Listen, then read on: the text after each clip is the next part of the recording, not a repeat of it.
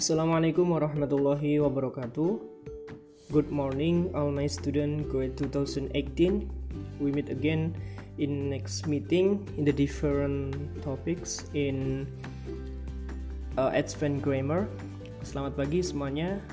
Pendidikan bahasa Inggris angkatan 2018. Semoga sehat selalu. Kita akan melanjutkan pertemuan yang selanjutnya dalam materi advanced grammar dengan materi yang berbeda tentunya. Oke, langsung saja pada pagi hari ini saya akan memberikan materi tentang conditional sentences atau yang biasa disebut dengan if clause. Oke, ini sedikit berbeda dengan yang kemarin tentang adjective clause, uh, adverbial clause, and non clause, but uh, rather same with a complex sentence. Jadi conditional sentences masih bagian dari complex sentences di mana nanti di dalam conditional sentences akan tetap membahas yang namanya anak kalimat, uh, dependent clause and induk kalimat independent clauses. Oke, mari kita ulas satu persatu. Sering sebelumnya sering kita mendengar berbicara tentang conditional sentences dalam bahasa Inggris itu tentang pengandaian. Misal jika maka. Nah, itu adalah namanya conditional sentences. Oke, okay, next slide. Uh, di slide kedua ada lima conditional sentences ya. Saya ini uh, saya merangkum lima sekaligus. Tapi biasanya di dalam buku atau yang sering kita jumpai di dalam buku-buku grammar itu hanya tiga. Tetapi kalau kalian lebih jeli lagi, kalian membaca referensi dari berbagai buku, itu sebenarnya ada lima ya. Yang pertama, conditional sentences type, type 0 atau tipe 1 itu uh, meaning as a fact uh, real atau maknanya adalah sebuah fakta atau kenyataan. Yang kedua adalah type 1 conditional sentence tipe 1 adalah pengandaian yang mungkin itu bisa terjadi atau ya bisa pasti terjadi atau kemungkinan eh, uh, 95% atau mungkin pasti terjadi. Nah, itu tipe 1. Yang type 2 conditional sentences type 2 itu bermakna mimpi atau angan-angan atau masih ada hubungannya dengan tipe 1 tapi di tipe 2 ini kemungkinan terjadi itu sangat eh, sedikit kemungkinan 50-50% atau bahkan itu 40% uh, 60 ke atas tidak terjadi.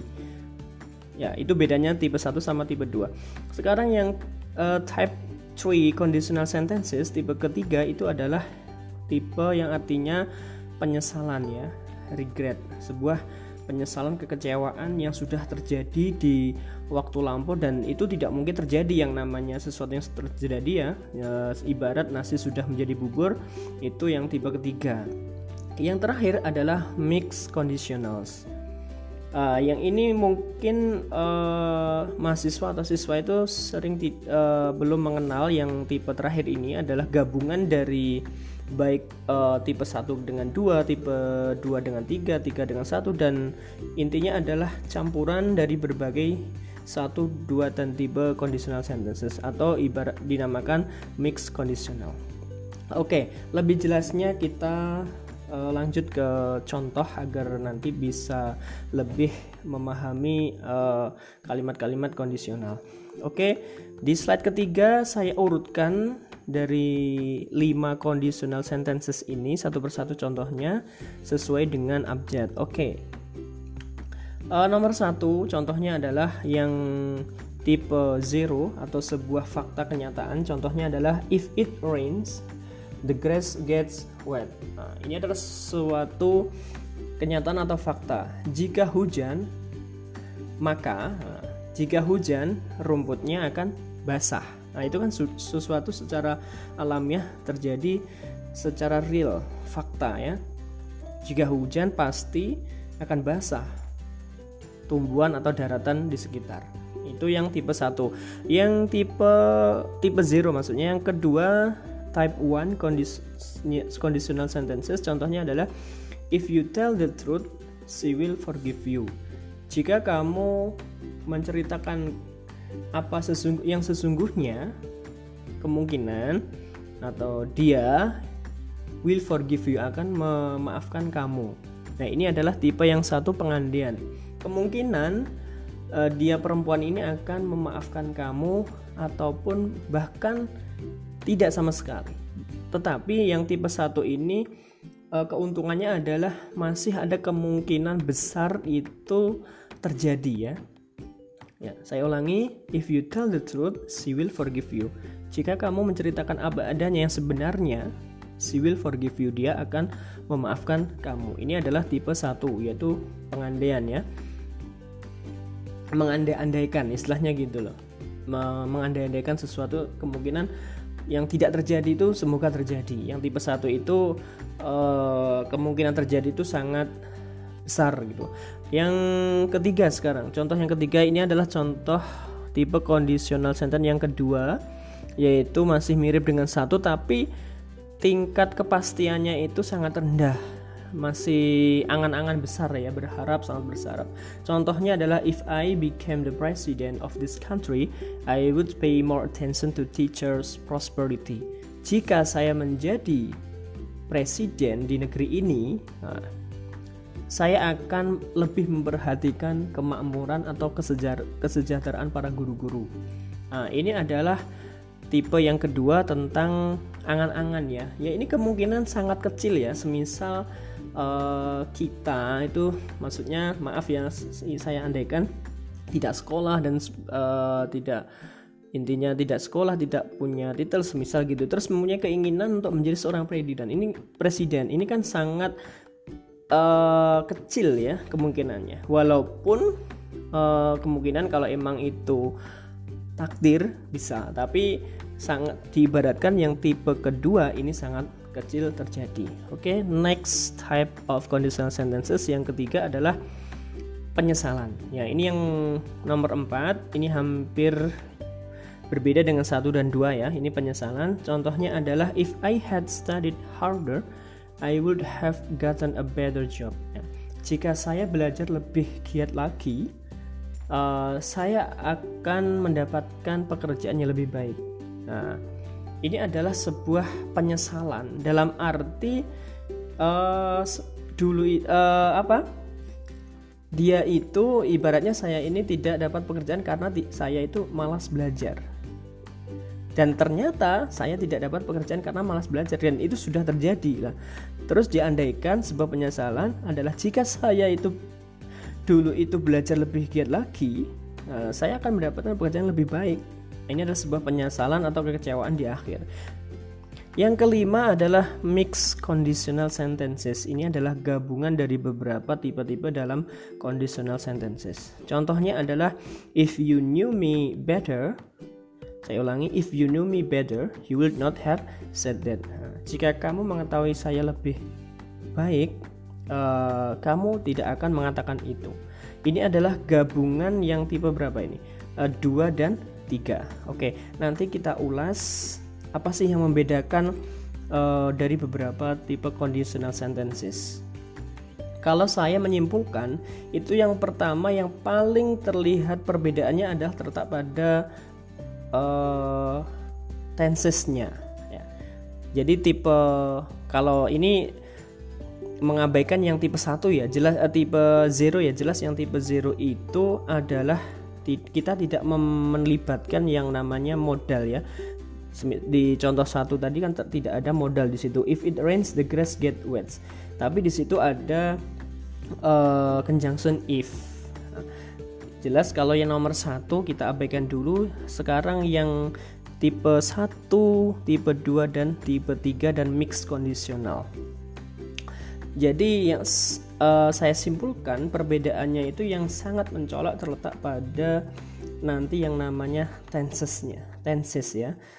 Jadi tenses itu kalau dalam pragmatic atau systemic functional language language atau functional grammar itu sangat uh, mencolok ya. Jadi fungsi-fungsi kata kerja fungsi-fungsi part of speech itu sangat digunakan dalam functional grammar. Kalau lebih mendalami functional grammar itu bisa di, dipelajari di bukunya Holiday ya. Kebetulan tadi saya mengikuti webinar tentang systemic functional language itu tentang membahas tentang how a grammar used in a sentence ya or text. Jadi bagaimana grammar itu digunakan dalam teks-teks atau tulisan-tulisan dan itu terletak pada fungsinya untuk apa sebenarnya. Jadi setiap kata, setiap tenses itu mempunyai makna dan arti kalau ing, uh, kalian itu lebih mendalami lagi. Jadi tidak sekedar rumus sebenarnya kalau belajar bahasa Inggris itu. Yang menjadi momok sekarang kalau men mengambil jurusan bahasa Inggris adalah dia takut dengan rumus-rumus grammar, grammar. Ya itu sebenarnya kalau kita mendalami lebih jauh lagi uh, bahasa Inggris itu tidak sekedar hanya bermain grammar tapi makna sebenarnya, meaning. Meaning on uh, each word ya. Meaning setiap kata setiap rumus itu juga punya makna tapi tidak semata-mata tentang rumus menghafal subject verb atau tenses verb s uh, verb to tidak. Oke itu sekedar pengetahuan saja. Oke lanjut ke slide keempat uh, di situ tertera basic verb form used in conditional sentences. Jadi ada bentuk verb yang digunakan dalam conditional sentences. Saya ringkas uh, di situ ada empat kolom empat baris ya. Di situ ada situation if clause result clause and example seperti yang sudah saya terangkan di awal bahwa conditional sentences adalah bagian dari kompleks sentence. Yang di situ ada induk kalimat sama anak kalimat. Di di if clause itu saya ibaratkan seperti anak kalimat. Jadi anak kalimat itu uh, kapan kalian menemukan sebuah kalimat yang mana didahului oleh conjunction conjunction kan ada ingat kan? Uh, hafal kan conjunction ada before after if maka itu dinamakan anak kalimat jadi bisa ditandai dengan mudah bahwa kalau ada subjek verb objek yang itu didahului dengan conjunction maka jelas itu ada yang namanya anak kalimat kalau tidak ada conjunction namanya induk kalimat itu cara e, menandai dengan mudah kalau masih bingung antara induk sama anak. Kalau induk tidak ada conjunction, kalau anak kalimat itu ada conjunction. Kemarin kalian e, masih banyak kesalahan untuk menentukan mana yang induk kalimat sama anak kalimat. Oke, saya lanjutkan di kolom result clause e, itu adalah induk kalimat ya. Oke, pertama situasi dalam conditional sentences itu ada tiga situasinya. Yang pertama adalah through in the present or future. Jadi dalam arti through dulu adalah through di situ artinya adalah uh, sebenarnya atau kenyataan atau kejadian yang terjadi pasti ya. Kalau yang untrue in the present or future itu istilahnya mustahil atau kemungkinan tidak benar ada terjadi baik waktu sekarang ataupun mendatang. Yang ketiga itu 100% tidak terjadi. Namanya untrue in the past, in the past karena itu sebuah penyesalan atau sebuah kekecewaan yang sudah terjadi ya di waktu yang lampau. Oke, yang true in the present or future di if clause-nya uh, rumusnya itu sudah uh, saya tuliskan di sini yang saya blok warna biru.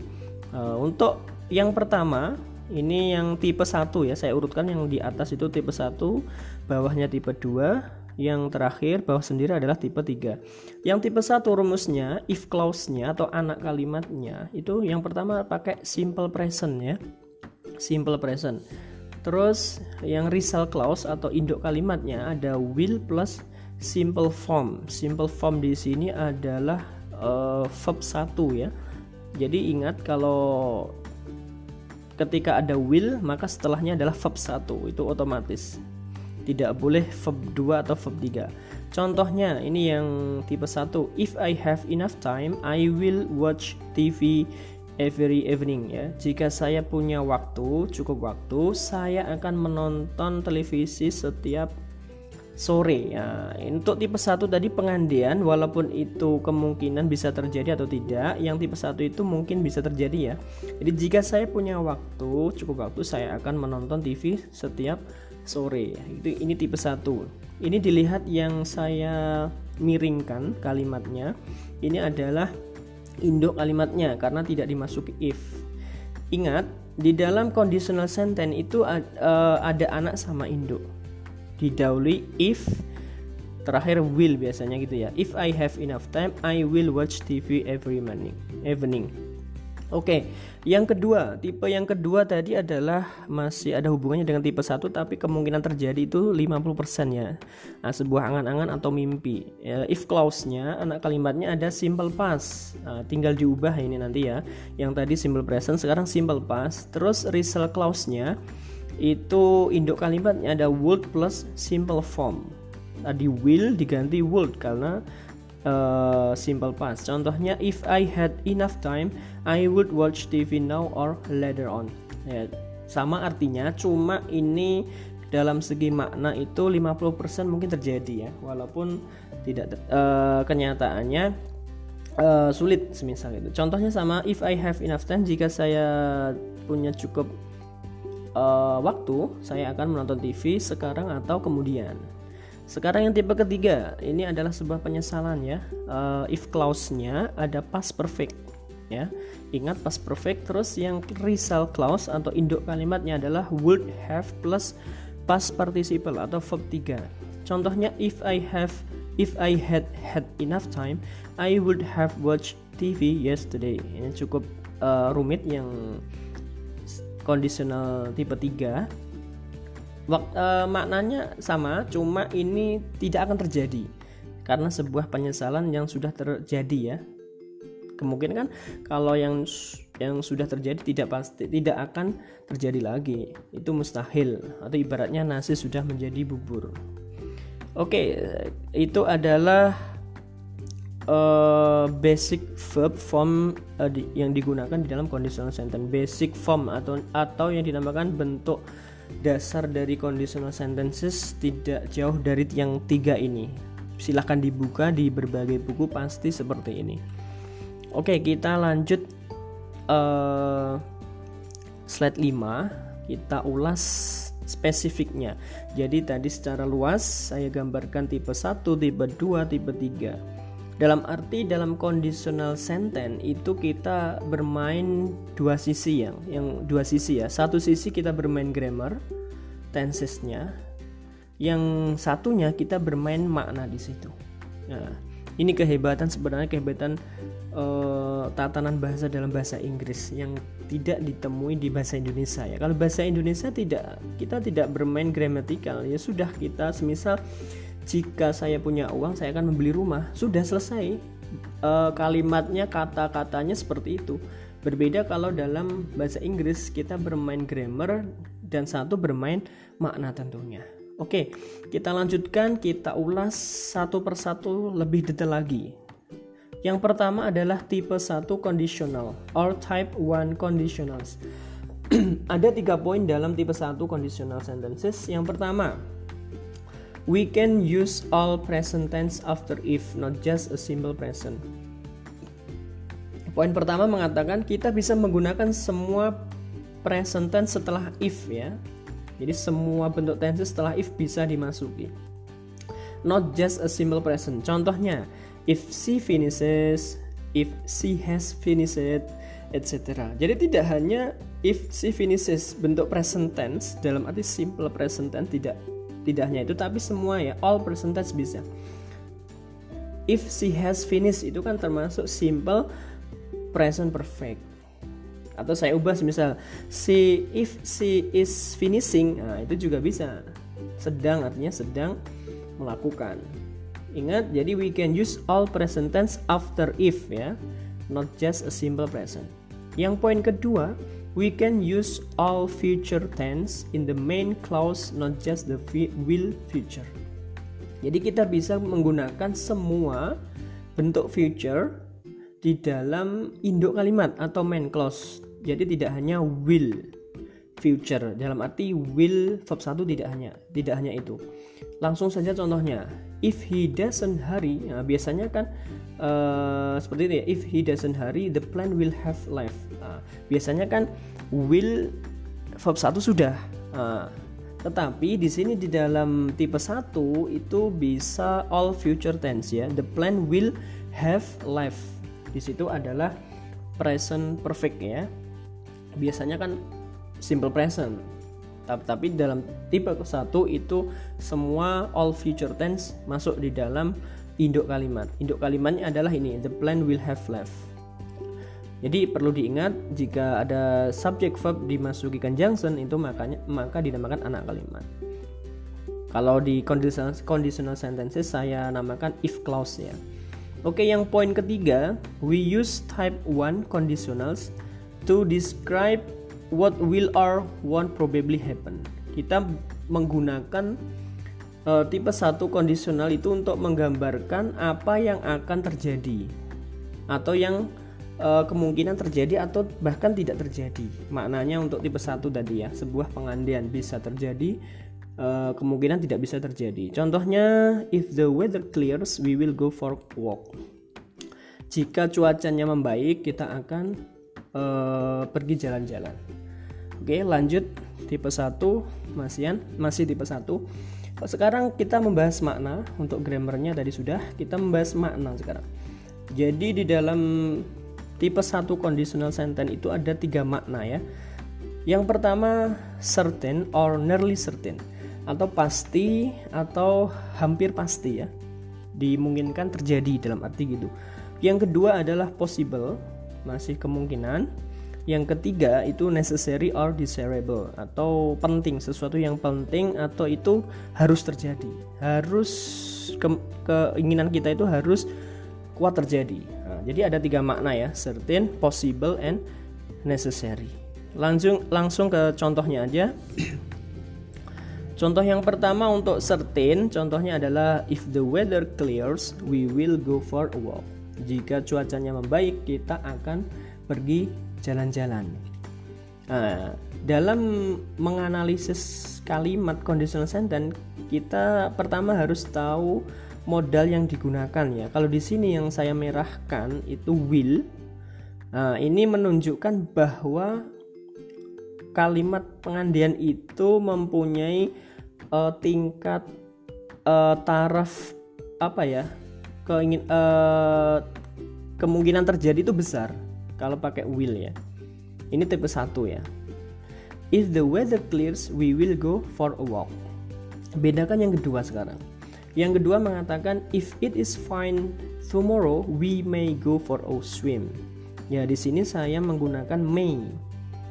Modal may. Jadi berbeda ya, will sama may. Ini kemungkinan juga terjadi. Cuma artinya yang pertama tadi itu adalah kepastian, yang kedua adalah kemungkinan. Jadi menggunakan may di sini. Jika uh, besok itu membaik, uh, kita akan pergi uh, berenang. Yang ketiga, ini sebuah keharusan, necessary atau suatu yang hal penting.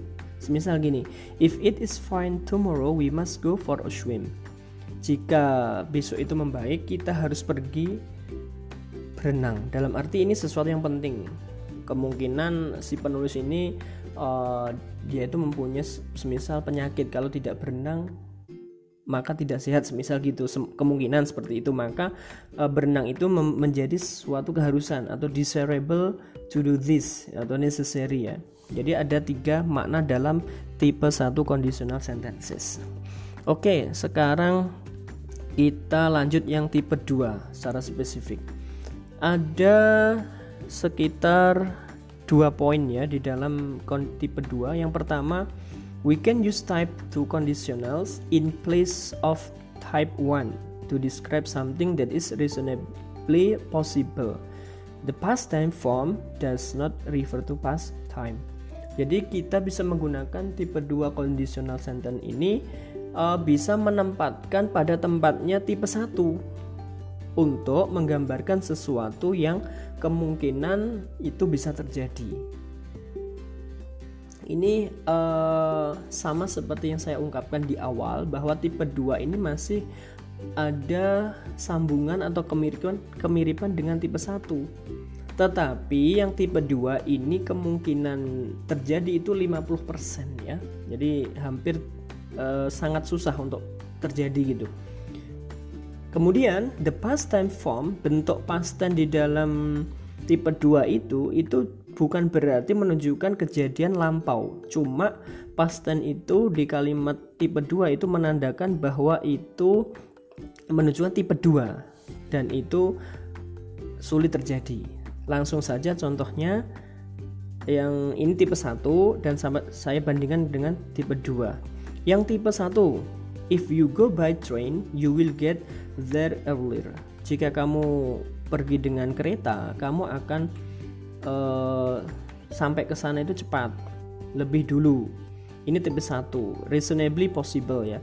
Yang kedua saya bandingkan saya ubah go menjadi when. Karena tipe 2 tadi kan past tense. If you went by train, you would get there early. Jika kamu pergi dengan kereta, tetap sama artinya kamu akan cepat sampai atau lebih dulu. Cuma bedanya di uh, tensesnya. Ini more tentative. Kemungkinan ini 50% tidak terjadi ya. uh, itu intinya. Terus yang kedua, poin yang kedua, we we often use type 2 conditionals to describe what is totally impossible. Nah, ini yang saya katakan tadi. Uh, kita sering menggunakan tipe 2 itu untuk menggambarkan uh, kemungkinan itu tidak uh, sesuatu itu tidak mungkin terjadi, totally impossible. Contohnya, if you had long legs, you will be able to run faster. Nah, jika kamu mempunyai kaki yang panjang, lebih panjang, kamu akan dapat berlari dengan lebih cepat. Contoh yang kedua, if you could run fast, you would be an Olympic champion. Jika kamu dapat berlari dengan cepat, kamu akan meraih juara Olimpik. Nah, ini totally impossible karena uh, apa? Tipe 2 menunjukkan kemungkinan tidak terjadi. Jadi intinya itu so simple sebenarnya dalam conditional sentence. Kita pertama adalah analisis tensesnya ya. Kalau itu tensesnya past tense itu tipe 2. Kalau past perfect itu tipe 3. Kalau simple present tipe 1. Setelah menganalisis grammarnya, tensesnya baru kita ke makna. Nah, ini yang tersulit sebe sebetulnya karena ini berhubungan dengan semantik ya, makna dalam sebuah kalimat. Uh, dalam pragmatik itu yang tersulit juga makna ya makna dalam konteks. Jadi makna itu sesuai dengan apa yang uh, dilakukan atau yang diniatkan oleh si yang mengutarakan tadi. Ya.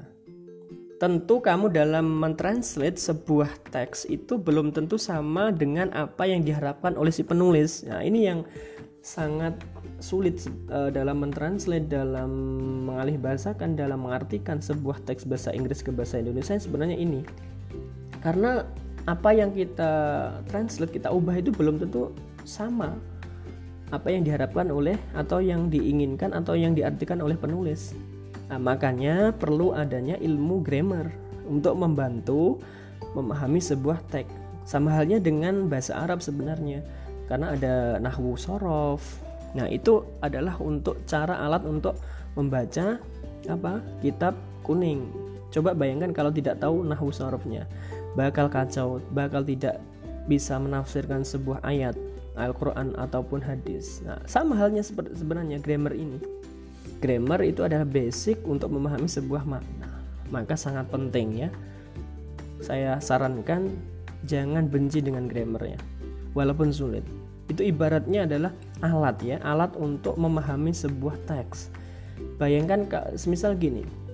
Uh, kita tuh punya kendaraan atau mobil itu rusak terus kita ingin memperbaiki mencari solusi terus kita tidak punya alat tidak punya alat atau obeng atau tang alat-alat untuk membuka mobil dan sebagainya nah, ibaratnya seperti itu kalau punya alat, punya kemampuan pasti enak dalam memperbaiki suatu hal. Sama halnya seperti ini, saya bayangkan. Biar kalian ini uh, kalian itu ada gambaran sebenarnya apa sih kita itu kok belajar grammar terus. Nah, itu basic awal. Kalau nanti sudah oke okay, sudah berjalan sudah kita menguasai itu enak. Kita belajar baca teks bahasa Inggris kita speaking kita walaupun speaking tidak perlu grammar ya uh, uh, pasti itu membutuhkan. Dalam kita mengungkapkan, mengekspresikan sebuah kata kalimat itu tidak lari yang namanya grammar. Karena di dalam uh, second language acquisition di sana ada teori yang mengatakan bahwa di kepala kita sebelum mengutarakan se menggabungkan suatu kalimat itu sebenarnya uh, otak itu ada uh, sistem bahasa yang uh, mentransformasikan menyusun kata-kata menjadi sebuah kalimat yang bermakna. Itu sampai segitunya. Second language acquisition atau psycholinguistic menguji otak karena otak berhubungan dengan bahasa. Bahasa berhubungan dengan otak. Nanti kalian sudah belajar uh, tentang psycholinguistic oke kita lanjut ke conditional sentence. Yang ketiga poin yang ketiga dalam tipe yang kedua we can use were in place of was after if in all persons dinamakan subjunctive. Jadi di dalam tipe 2 kita itu bisa menggunakan uh, to be were in place of was. Seba, uh, sama halnya tempatnya pada was. Setelah if di dalam semua uh, person or subject namanya subjunctive.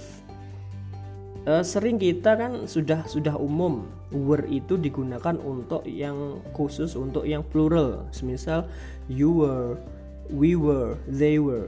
Nah, di dalam conditional sentence itu tidak umum tidak biasa. Kali uh, she itu pakai were uh, he pakai were nama orang pakai were di dalam uh, conditional sentence itu terjadi namanya adalah subjunctive contohnya If I were you, I would build a big house. Jika saya jadi kamu, saya akan membangun sebuah rumah yang besar. Nah, contoh yang kedua, if she were kind, I would marry her. Nah, jika dia itu baik, saya akan menikahinya. Nah, biasanya kan kalau were it, she itu pakai was. Nah, kenapa di sini pakai were? Karena ini menunjukkan suatu pengandaian yang mustahil, namanya subjunctive sering nanti kalian kalau tes TOEFL itu me menemui hal-hal seperti ini. Jadi jangan kaget kalau ada kali Pak ini kok uh, were uh, she kok pakai were nggak pakai was. Nah, jangan kaget, jangan menyalahkan. Nah, sama halnya dengan ulama itu ya. Ulama itu wah pintar sekali, cerdas, banyak ilmu, makanya tidak saklek, tidak fanatik terhadap satu ilmu. Nah, ibaratkan seperti itu ya.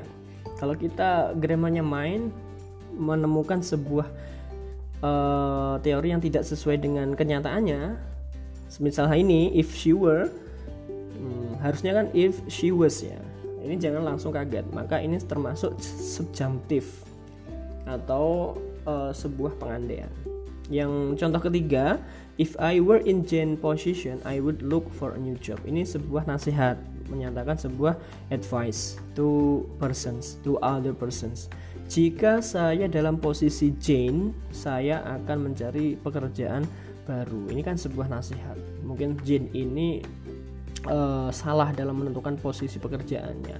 Uh, mungkin lebih rendah dan sebagainya. Jika saya jadi posisinya Jane itu saya akan mencari yang pekerjaan yang baru yang lebih bagus misalnya seperti itu. Sekarang lanjut yang tipe 3, uh, type T conditionals. Uh, ada dua poin dalam tipe 3. Yang pertama, we often use type 3 conditionals to express regret about things that can now never happen. Jadi kita sering menggunakan tipe 3 ini untuk mengungkapkan regret atau regret uh, penyesalan kekecewaan tentang suatu hal yang mana itu tidak bisa terjadi, tidak pernah akan terjadi dalam waktu sekarang karena sudah lewat, sudah terjadi, sudah lampau. Yang poin kedua, we can use simple or progressive form of the past perfect in in the in the if clause. Kita bisa menggunakan simple dan bentuk progresif atau continuous di dalam past perfect di if clause anak kalimat. Contohnya, ada empat contoh di sini. If I had had any sense, I would not have bought a second hand car. If we had gone by car, we would have saved time. If I had been trying harder, I would have succeed. If I could have stopped, there would not have been an accident. Ini dianalisis sendiri ya. Nanti uh, ini contoh-contohnya sudah ada. Sekarang yang terakhir mix conditionals. Yang ini mungkin uh, apa ya? tidak pernah dibahasnya mungkin di dalam di level-level sekolah menengah pertama ataupun SMA ataupun bahkan universitas ya. Mix conditional ada gabungan di dalam tipe-tipe conditional sentences.